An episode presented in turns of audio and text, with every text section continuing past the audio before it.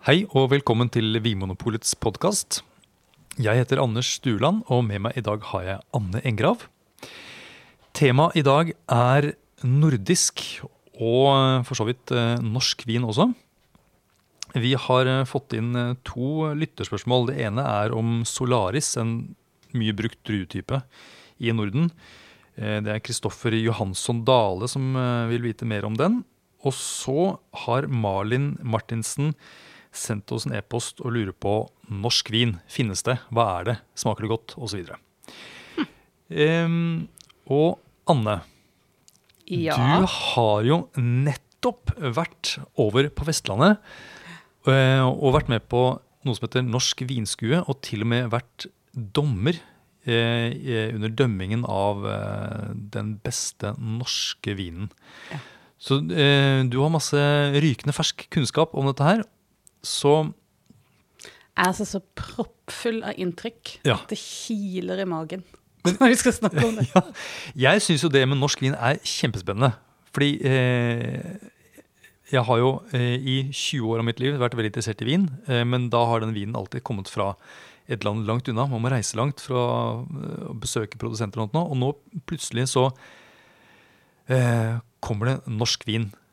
Men, men ja. altså, hvor mange finnes? Og på en måte er det Ja? Nei, altså det, dette her er jo i sin spede begynnelse. Og det gjør det jo kanskje enda mer spennende, tenker jeg. For dette er noe som er i ferd Det er en vinnasjon som er i ferd med å bli født. Det er så tidlig. Ja. Så um, Altså, dette vinskuet som jeg har vært på nå, det, det arrangeres jo uh, i regi av den foreningen som heter Norske druedyrkere. Og den har sånn rundt 80 medlemmer som driver med å dyrke, dyrke druer. Eh, men her er det jo altså alt fra de som har to planter i hagen, til de som kan på et eller annet tidspunkt, ikke så altfor for fjern fremtid, eh, selge vin. Så det er veldig få eh, som er av den der eh, kommersielle størrelsen, eller har det kommersielle potensialet. Så det er jo veldig lite, det er veldig eksklusivt. Ja, altså Når du snakker om kommersielt potensial, eh, sånn med, tanke på, med tanke på størrelse, da, hvor mange i Norge er det som har så store vinmarker at de kan produsere en del flasker? Som per i dag ja. så er det kanskje fem-seks. Ja. Under ti, i hvert fall. Ja. Så, så å si at vi er en vinnasjon, det er kanskje å ta litt uh, i. Uh, I ferd med å bli født. Ja. ja. Uh, men 80 medlemmer i denne druedyrkerorganisasjonen. Men er det slik at alle disse 80 lager vin, eller holder det bare at de dyrker druer? For å være med i den foreninga, så ja. dyrker du druer. Men på vinskuet så kommer jo de som da har lagd vin av det. Ja. Og i år så var det altså det tredje gang den er blitt arrangert, dette vinskuet. Og det har da vært eh, en oppgang hvert år, så i år var det 34 påmeldte viner. Imot 21 i fjor, og 11 det første året. Ja. Så dette stiger jo. Eh, vi skal komme tilbake til akkurat det med disse, hva slags viner er og sånn. Ja. Men eh, når, det, når, jeg leser vinbøker og sånn, så står det jo at, gjerne at det er romerne som har plantet vinplantene. I sånne kjente områder. Burgund, f.eks. Ja. De, ehm, de, gamle romerne. Ja, eventuelt noen munker. ja. Men eh, hvem er det som har plantet eh, vinplantene i Norge? Munker? Romere? Eller er det noen andre eh, Nei, det er sånne Grupper?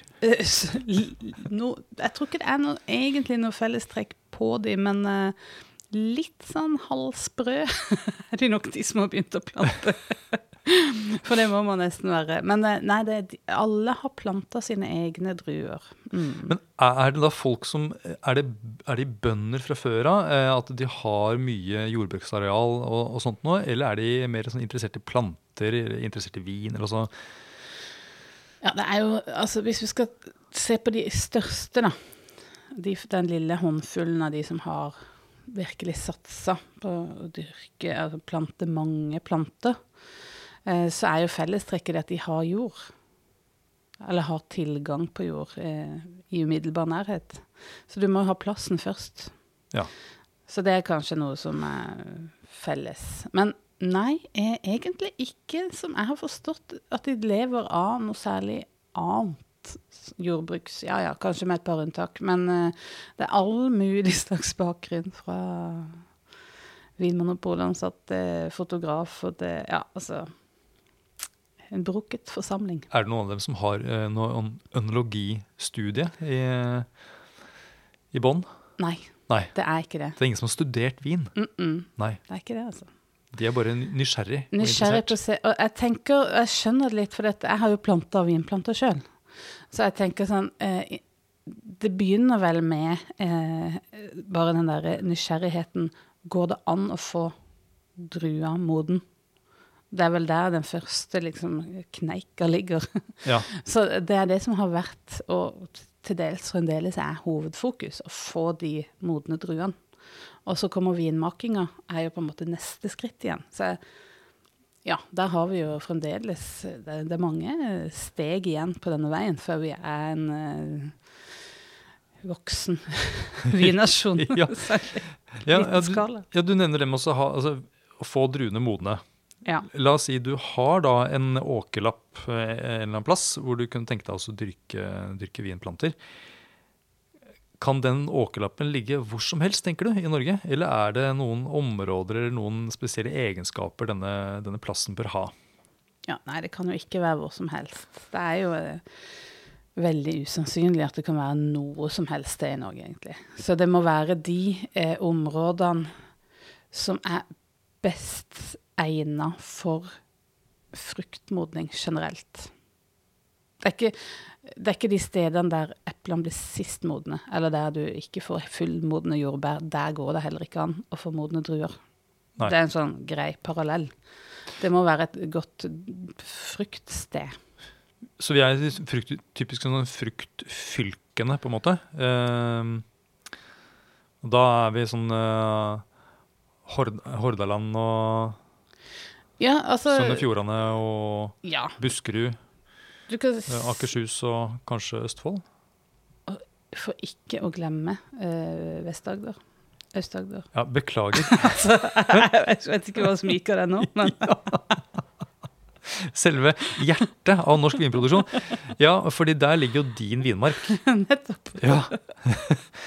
Eh, og du har 100 vinplanter. Ja. Og er det, samler, hvor er du da sånn størrelsesmessig i forhold til de andre du- druedyrkerne i Norge? Eh, Har du mange? ja, jeg har ganske mange. Ja. Da, den, men jeg har ikke mest, og det er jo mange som satser på dette og planter. Mange har planta flere tusen. Men eh, det er jo ingen som er Ja, skal vi se, kanskje det er sånn Nå er jeg litt usikker, men jeg tenker sånn 5000-6000 planter er liksom de største. Ja, det er mye. Vi, hvor, får, hvor får man en vinplante fra? Ja, det er jo et godt spørsmål. For det er flere valg man må ta. OK, du har funnet dette stedet du vil dyrke og kan dyrke og kan benytte. Varm, varmt og godt? det må være varmt. Mm. Om det er sør i Norge, eller som du var inne på, inn i en fjordarm, som Mm. kan være liksom skjerma og, gode sånn, klimatiske betingelser. Eh, og det må være god soleksponering. Mm. Altså du må ha sol stor del av dagen. Må det være pent der? Jeg har ikke sett noe sted der det ikke er pent. I hvert fall. Ja, men det er lett å tenke det at, eh, at vinmarkene ligger i sånne vakre steder.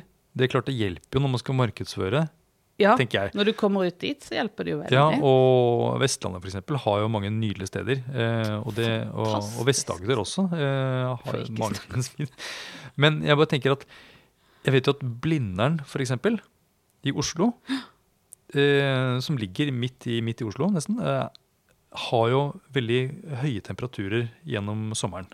Så, sånn på papiret så skulle det være et, et greit sted å dyrke vindruer. Ja, det er kanskje det beste i Norge. Ja, men det ser jo ikke ut som et sånn typisk eh, vinmarkssted, på en måte. Men hvis noen har en stor hage i nærheten av Blindern, er det også en mulighet? Det er en veldig god mulighet. Ja. Det største problemet med akkurat det området der er jo tomtepriser og tilgjengelighet. Det skal mye som skal klaffe. Det er sant nok. Ja, Nei, men så har du dette stedet, da. Funnet dette stedet Mm. der du har plass, og det er varmt nok. Nok sol. da må du bestemme deg for hvilken plante skal du plante. Og det er her det er et stort uh, og alvorlig valg du må ta. For det som de fleste gjør, og som kanskje nok er den anbefalte måten å gjøre det på, er da å velge en plante som er tilpassa et litt kjøligere klima.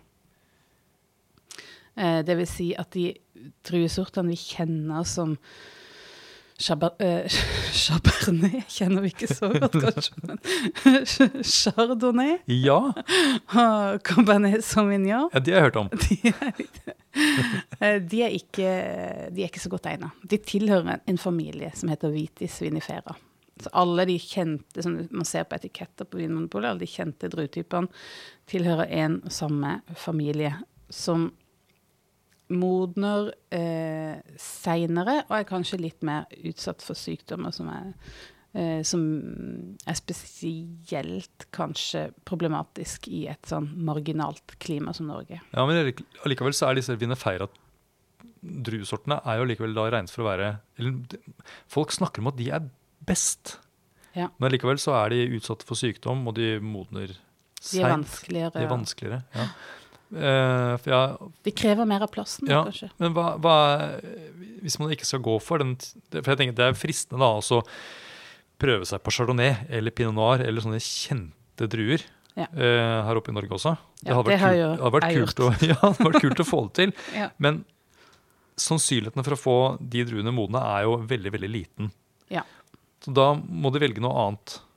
Ja, hvis man er opptatt av å få druer moden, så er det en god idé å velge det som man kaller da hybrider, eller piwi-sorter, faktisk. Piwi Jeg har aldri hørt om før. Altså, Nei, jeg har hørt om hybrid, men ikke piwi. Ja, det er et, eh, eh, kanskje det engelske uttrykket, da. Piwi. Ja. Som man, når vi sier hybrid, mener det samme. Altså at du har valgt Kanskje det er det, det er en krysning, en plante som er kryssa fram med kanskje noen sånn foreldre i Vitis vinifera-slekta, men også fra eh, andre sorters drueplanter som er eh, mer hardføre, og som er eh, vant til å bli modne tidligere. Ja, for det fins flere forskjellige druefamilier. Ja. Men i vinverdenen så har vi liksom holdt oss til denne vinifera-familien. Ja. Så har, blander man sammen da Johansen og Hansen Ja. i vinverden, på en måte.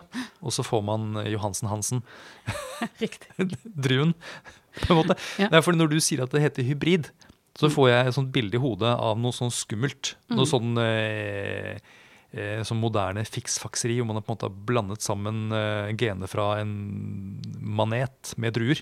Nei, det Men det er ikke, det er ikke så øh, rart eller skummelt. Det er Det to, er to drueplanter som bare har møtt hverandre.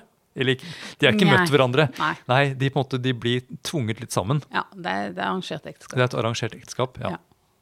Men, men ut av dette arrangert, arrangerte ekteskapet så får man da en hybrid som da er mer hardfør, og som modner raskere. Da har, man, da har man valgt egenskaper som man fremdyrker. Tidlig modning, mm, sykdomsresistens, en del sånne ting eh, takler eh, lave temperaturer, og så setter man sammen litt som en sånn byggeklosser, da. Ja. Setter man sammen dette, så får man tak Eksperimentert med masse, så har man funnet fram til noen planter da, som har mange av disse egenskapene. Og da er det én drue som eh, peker seg ut eh, til å være vellykka, og det er den som heter Solaris. ja. Og den eh, svensk, Svenske viner, f.eks. Eh, Fins det noe Solaris og, og sånt noe? Og så fins det også norske produsenter med Solaris. Ja, mange. Det, det er på en måte den anbefalte drua hvis man ber om råd i druedyrkermiljøet. Ja. Og det er en grønn drue, så den vil man aldri klare å få en rødvin av. Nei. Nei, men en hvitvin da, stort sett. Eventuelt en oransjevin, hvis det finnes noen sånne. Ja, det fins faktisk. i Gjør det det? I Danmark. Dansk oransjevin? Ja. Ja, det er kult. Men eh, disse hybridene, er det sånn at eh, altså franske vinbønder f.eks., hva, hva tenker de om hybrider? Syns de at det, er greit at eh, vi i Norden f.eks. holder på med hybrider? Nei, altså Sånn jeg har opplevd det, som når jeg introduserer, når jeg kommer på studiebesøk og sånn og sier at ja, men jeg er også en vindyrker, druedyrker, og sånn, så blir jeg møtt med en veldig interesse. Ja. Det er kjempekult. Og eh, veldig interessert i liksom hvordan vinverden forandrer seg, for den endrer seg jo på mange måter. Og det, det vil jo bli ganske store endringer, eh, både pga. klimaendringer og pga. Eh, økt kunnskap om sånn som hybrider og, og jordbruk generelt. Men eh, når det kommer til eh, akkurat det å diskutere hybrider, så blir det bare stille. Da blir den franske vinmoen litt sånn stram i ansiktet. Ja. Og jeg har hørt sånne toppprodusenter eh, omtale det litt sånn eh, eh, lavt som the bullshit grape. Det syns jeg det er arrogant. Unødvendig arrogant. Ja, og jeg, jeg må jo si at jeg trodde vel, eller at jeg trodde litt på dem da, en stund. Jeg tenkte at det må jo være noe i dette her. Eh, og det må være en grunn til at man har holdt seg til vinifera-druene. Mm. Og eh, det sies jo at en del av disse hybridruene gir noe som kalles for en sånn, sånn spesiell smak eller aroma, som blir kalt for foxy aroma, altså reveaktig Mm. aroma eh, på norsk. Eh, som jeg kanskje har kjent i noe sånn brasilianske viner og sånt nå, som også bruker hybrider. Men, men jeg har smakt Solaris, eksempel, så blir jeg overraska. Det smaker jo som vanlig hvitvin. Ja. Ja, jeg tenker at det, er, det kan bli bra vin av det. Det kan bli, hvis man dyrker det på riktig sted, og lager vin skikkelig, sånn ordentlig vellaga vin, så kan det bli bra vin av Solaris. Ja. Absolutt. Men når vi da først er inne på det med Solaris, er, hvordan er, smaker da en typisk Solaris-vin? Um, ja, altså, jeg har smakt noe Solaris, og jeg må si det at jeg har smakt ganske mye sånn Sett hvor mye som er, eh, faktisk dyrkes, så har jeg prøvd veldig mange varianter av det. Og eh, det er veldig stor variasjon. Du kan få alt ifra svære, rike, nesten sånn her varme klimaviner med høy alkohol og fylde og liksom Noe man aldri ville trodd var mulig. Nei, det ville jeg ikke trodd, faktisk. Nei. Nei. Til eh, mye, mye slankere, syrligere, eh, med en tydelig sånn Sauvignon Blanc-aroma, kaller jeg det, men sånn grønt urte-neslepreg. Og det blir jo også kalt Norden Sauvignon Blanc, så det er nok noe der, men det handler jo også mye om modning da, på drua.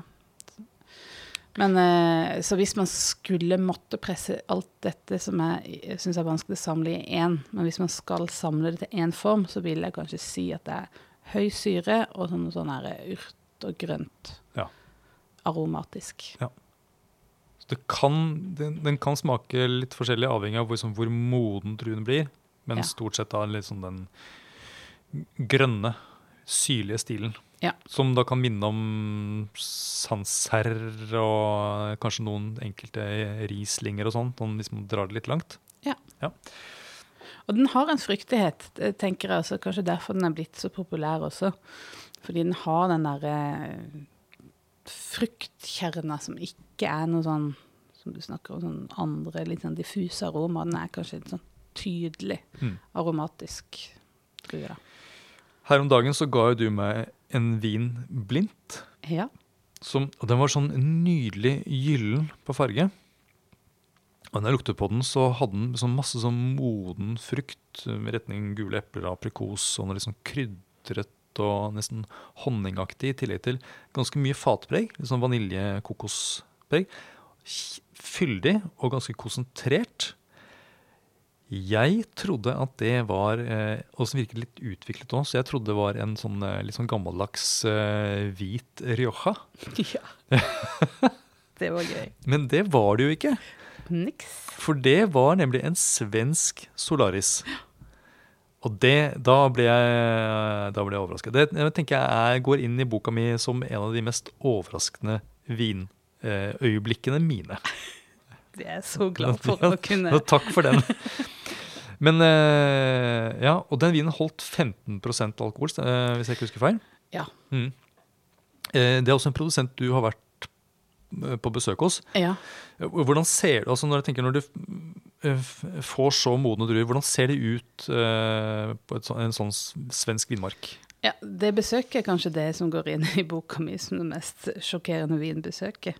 For jeg dro til en svensk vingård og forventa å høre bare klaging over eh, vanskelige modningsforhold og altså Hva annet skal man forvente da av en, eh, så, en vinmark så langt nord? Eh, og kom dit og møtte en eh, strålende blid dame som eh, absolutt ikke klagde over modning. Altså, hun sa at det var mest utfordrende var å bremse modninga, for de opplevde å få så mye alkohol. Det ble så mye sukker i druene at alkoholen ble så høy at de måtte ha tiltak for å liksom få ned, stoppe modninga. Og det løste de ved å ha enormt mange druer på hver eh, vinplante. Så det så jo ut som Altså, når jeg vant til å, å dra lenger eh, sørover i Europa eller eh, andre steder, da, og se vinplanter som henger der med en sånn der eh, fire, fem, seks drueklaser bortover, så, så var det her altså Det hang som sånn der en an, en vinstokk på anabole steroider. Det Ja. var bare klasse på klasse på klasse. Bugna av fullmodne druer Nettopp. i alle retninger. Ja. Det var helt sjokkerende. Men så hadde de også da eh, De hadde også plantet chardonnay, hadde de ikke det? Jo, de, fordi jeg, jeg har jo en del sånn vinturisme Jeg har busser som kommer for å se på dette. Og, og innimellom alle disse um, bola vinstokkene, så eh, sto det én som var litt grønnere. Skilte seg kanskje litt ut i, fargen på druene. Og så sa hun 'jeg smak på de druene', da. Og dette var jo i Kan ha vært i slutten av august. Smakte på drua, og det var supersurt. Det var så surt at du måtte bare liksom spytte det ut. Det var sånn angrep i munnen av syre. Så bare sånn, ja, det er vårt eh, bevis. Altså, dette er vår forklaring på hvorfor vi dyrker hybrider. For dette er en chardonnay-plante. Og den blir ikke moden. Så stor forskjell var det, altså. Ja. Ja. Så det var et veldig sånn tydelig bilde på hvor stor forskjell det faktisk er på klimatilpassa druer, da. Og det, jeg tenker, det gjelder jo ikke bare Norden. altså Hvis du er vinbonde eh, langt sør i Europa, f.eks., eller varmt klima, så er jo kanskje ikke så smart å dyrke Riesling eller Pinot Noir. Da velger du heller uh, druetyper som er mer tilpassa det varme klimaet. Mm. Så det er jo, er jo ikke så rart at vi kanskje bør velge det som tåler kaldt klima her oppe. Nei, Nei. Det, det er jo ikke det. Så må jeg jo også si det at det fins jo også innenfor uh, chardonnay og innenfor Riesling og innenfor pinot noir, så fins det jo også plantemateriale som er på en måte Du velger ut, og du kloner, og du holder på å finne liksom planter som er tidligere moden, modnende. heter det. Mm. Og, og som, så du kan jo også tilpasse eh, også eh, vitis vinifera-planter til å være eh, bedre tilpassa. Mm. Ja, er det noen sånne vitis vinifera druetyper som du tenker kunne vært mulig her i eh, Norge? Ja, jeg har jo også i tillegg til Riesling, så har jo jeg eh, et lite sånn Noen få planter med det som heter fryburgunder. Eller eh, pinot noir precoce. Som er da en tidlig modnende klone av pinot noir. Ja. Og den må jeg si, den blir moden. Så den Det funker faktisk. Så der er det muligheter. Der er det muligheter. Ja. Mm. Men jeg snakker med de andre druedyrkerne, for de har jo også eh, prøvd eh, mye forskjellig. og de er ikke så begeistra for den, for den mener det er mye meldugg og sånn. Eh, ja, for der kommer det med sykdom inn, selvfølgelig. Ja. Mm. men Ja. jeg har ikke den erfaringa. Men eh, ja, så der eh, der er det litt hjelp. Der, men det, det går an å tilpasse liksom, flere ting. Men det er helt klart at et kaldt klima setter litt krav til hvilke planter du velger. Eh, altså, nå har vi vært innom Solaris, som er den, altså en hybrid, en grønn druetype, som egner seg for norske forhold. Men fins det en, eh, en blå druesort da, som funker? Ja, du har jo denne som heter Rondo, som kanskje den danske eh, altså som Danmark kanskje først satt på kartet. De ble liksom kjent for at de skulle lage vin med Rondo. Nå er det også etter hvert blitt mer Solaris i Danmark, men det er en rød drue som, eh, eh, som også dyrkes en del både i, i, i Sverige og Norge. Så det er liksom Solaris og Rondo som er de mest populære og mest kjente. Ja. Det er litt sånn moderne navn. Eh, Rondo og Solaris. Jeg ser jo for meg en, at det er navn på satellitter eller sånne Med Sputnik eller et eller annet som er på vei ut i verdensrommet. Nå, rapporter at nå har Rondo passert eh, Saturn. Ja. Jeg tenkte jo på sånne P2-programmer for 50-åringer. sånn Solaris, det Ja. populærvitenskapelige magasinet. Ja, det er sånn noe eget med eh, de navnene. Ja. ja, det er litt fremmed, samtidig som det ikke er så fremmed heller. Ja. Og det er klart at det er mange som liksom eh, prøver å lage nye drivsorter som bare har et tall. Ja, det er ikke så sexy, men de, det heter sånn N743 og, Ja. og sånt noe. Men Ja, så de må- får det vel etter hvert eh, et litt ordentlig navn, da. Ja. Som Rondo eller Solaris, når, de, når flere begynner å dyrke dem. ja. Ja. Uh, ja, vi snakket litt om da uh, vin fra Sverige. Skåne er jo et område som har en del. Eh, men hva med Danmark, da? Danmark var jo de som var tidligst ute. De er jo litt mer kontinentale. Danmark er egentlig litt eh, De er litt frempå. Ja, men de er, de har, De er jo varmere sammen. der òg. Ja, de, er- de det er varmere, og så de henger sammen med Europa, liksom. Ja. så det kommer, ting kommer litt før dit, er min uh, personlige betraktning. Men uh, de uh, har jo også mye jordbruk, og de har eh, gode varmeplasser, og de har satsa ganske stort. Så eh, nå er det vel eh, rett og slett 90 drue, altså vinprodusenter i Danmark. Som selger vin. Er ikke det sjokkerende? Jo, det er ganske vilt. Det er nesten 100 vinprodusenter i Danmark. Jeg dro jo der på studietur, og det var jo et hav av vinprodusenter. De tok imot oss på en helt sånn selvfølgelig og veldig sånn kontinental måte, og bare forteller om akkurat sånn som man oppfører seg på liksom et vinmarksbesøk. Dette hadde de gjort mange ganger. på dansk, da. Det Ja. det eneste som var litt rart. Men eh, ja, eh, 90 produsenter, og da Men for jeg tenker at når det begynner å bli så mange, så er det vel kanskje interessant å begynne også å dele inn i områder og kanskje få et regelverk på plass og sånt nå? Ja. Har de det? Ja, de er, de er også kommet lenger med det. De ligger kanskje sånn 10-20 år foran oss i tid da, med utviklinga. Eh, så de har jo delt opp i, i regioner som er ganske sånn generelle, sånn type Sjælland, Jylland, Fyn, ja, altså de sånne store eh, områder, regioner. Og, og så har de også fått eh, det som tilsvarer AOP i Frankrike, som er en sånn beskytta opprinnelsesbegrep, Mm. som da på dansk heter BOB. BAB. Bab. Beskytta opprinnelsesbetegnelse. BAB. Så de har én bab. De har én BAB, eh, og det er bare én. Og det er bare én produsent også, som eh, Der er regelverket for produksjon og eh, Altså både for vinifiseringa og for dyrking av druer og vinstil osv. er litt mer fastlagt og rigid, da. Ja. Og hva, heter denne boben?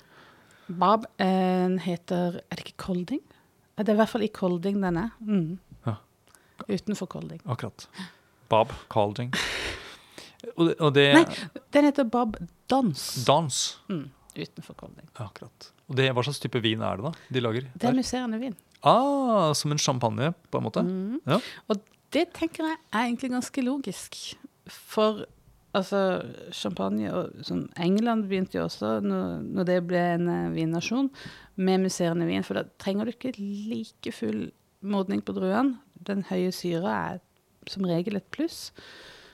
Så det er en del ting der som gjør at det er en eh, Jeg er helt enig. Ja. Ja, Og så får du da på en måte litt mer alkohol gjennom den andregangsgjæringen på flaske også, så du liksom kan bygge litt uh, gjennom det. ja.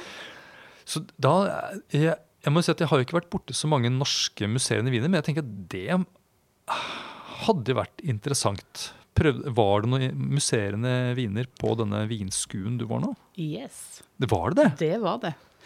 Det var åh, nå husker ikke, Var det fire eller var det fem påmeldte viner? Av Solaris.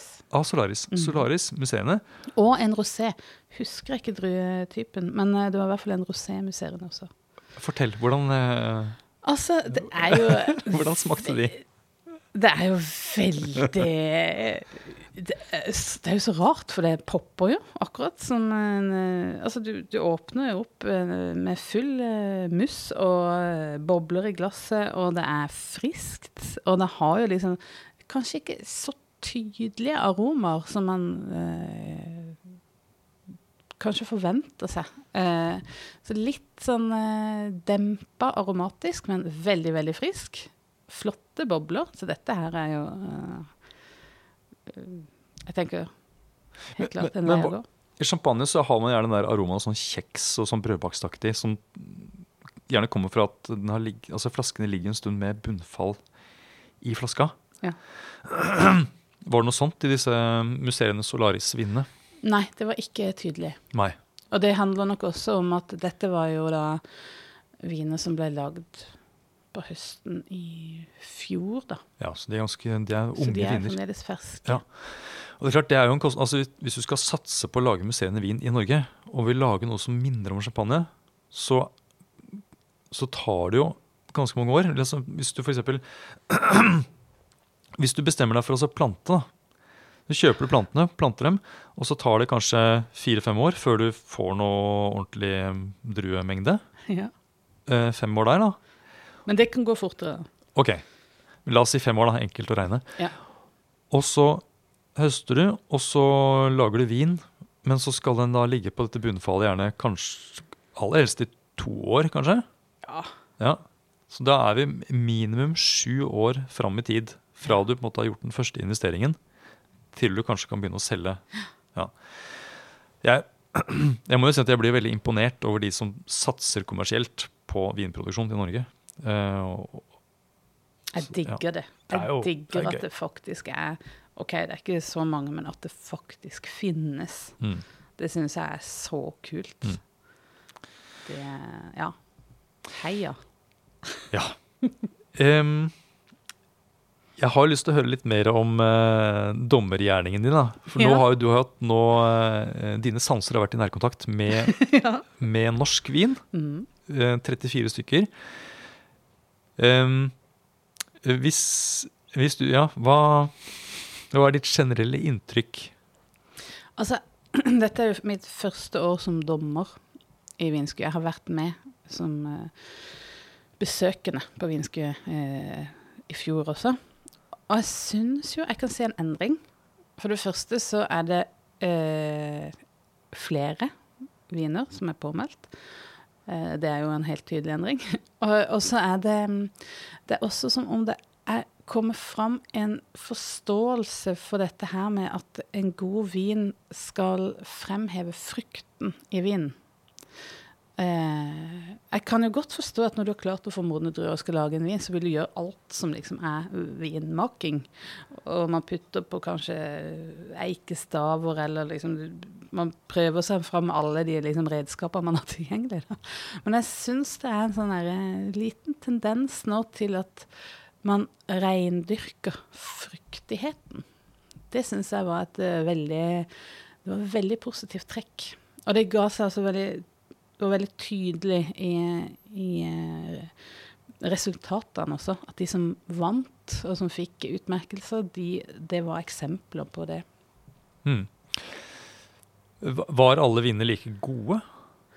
Det var s veldig stor forskjell. Jeg spør deg litt sånn direkte. nå. Ja, for det, det, Ja, det er jo ikke så Det er jo en grunn til at enologi ønologi er et fag. Og, det er klart at uh, mange av disse er jo lagd på uh, Kanskje på kjøkkenbenken etter uh, liksom litt sånn tilfeldig innfall og sånn. Så vet det, det var jo noen Noen av vinene var, hadde jo fått noen sånn av type vinfeil, da. Som var så klokkerein. At det var jo litt fascinerende, det også. For det var F.eks. når man skal svovle en vin, da. Altså klare å, å dosere den svovlinga riktig. Det er jo veldig vanskelig, spesielt med eh, små kvanta. Det er jo vanskeligere å lage lite vin enn mye vin, egentlig. Ja, for da må du veie opp da allerede en veldig bitte liten eh, mengde med svovel. Og så må du veie det opp i enda mindre. Og det er det Ja. å ha en vekt som Som klarer det. Ja. klarer liksom å angi riktig vekt. Det er jo, ja. Ja, det var et par eksempler på viner der det var eh, bomma litt der, og som det blir veldig sviende. Også litt med ekstraksjon, det med også, på de røde vinene også få ut eh, tannin, riktig tanninmengde, da, og behandle vinen på best mulig måte. Der var noen som var blitt veldig, veldig herja med, kanskje, da. Så, og I tillegg til at de kanskje ikke var helt moden, sånn fenolsk modning, som, som gjorde det litt anstrengende i munnen. Og så er, det et, så er det vanskelig også dette her med oksygen. Oksygen i, eh, i produksjonsprosessen kan jo skade frukten. Altså skade på den måten at den mister eh, kvaliteter.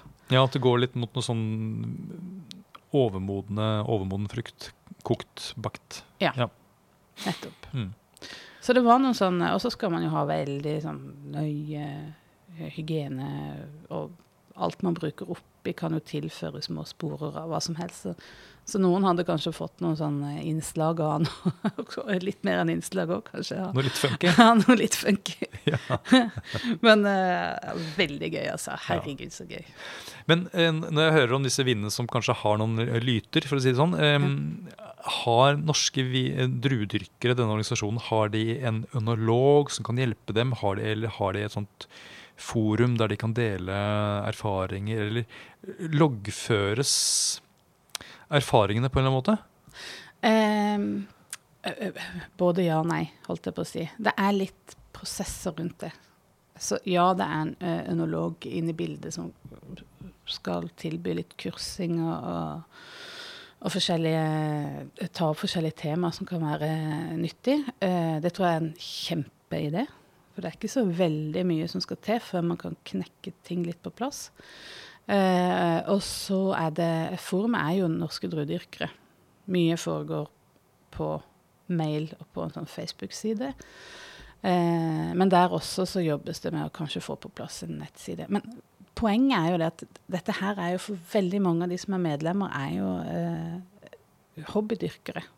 Så det er jo ikke noen som vil liksom satse veldig mye eh, tid og penger på altså Det er ikke nødvendigvis i alles interesse å få fram dette som en, eh, en ny måte å Ja. eh, Altså som en norsk vinstil. Dette er mer sånn for personlig bruk. Ja. Og- Men jeg, jeg tror jeg tror de som er ivrige, kommer nok til å dra dette langt og, og lenger enn langt. Hmm. Positiv retning. Nå er det straks september Ja. 2019. I fjor så hadde du eh, et veldig flott år i din vindmark i Kristiansand. Hvordan ligger du an i år, eh, Anne? Du pirker borti litt sånn Nå pirker du borti såret. Ja, men Dette her er jo sånn som å snakke med vinbønder om. Vi må snakke om det. Ja. Vi må snakke om det. Nei, det ser litt dårlig ut. Altså, det er jo det er jo det Ja, ulempen med, ulempen med norske somre er jo det at den er så ustabil. så vi hadde jo en fantastisk flott april i, i år, som var varm og flott og rekord. ikke sant? Satte i gang eh, vinstokkene, så de kom i gang. Og så kom mai, og så var det veldig, veldig kaldt hele mai. Og da stopper alt opp igjen.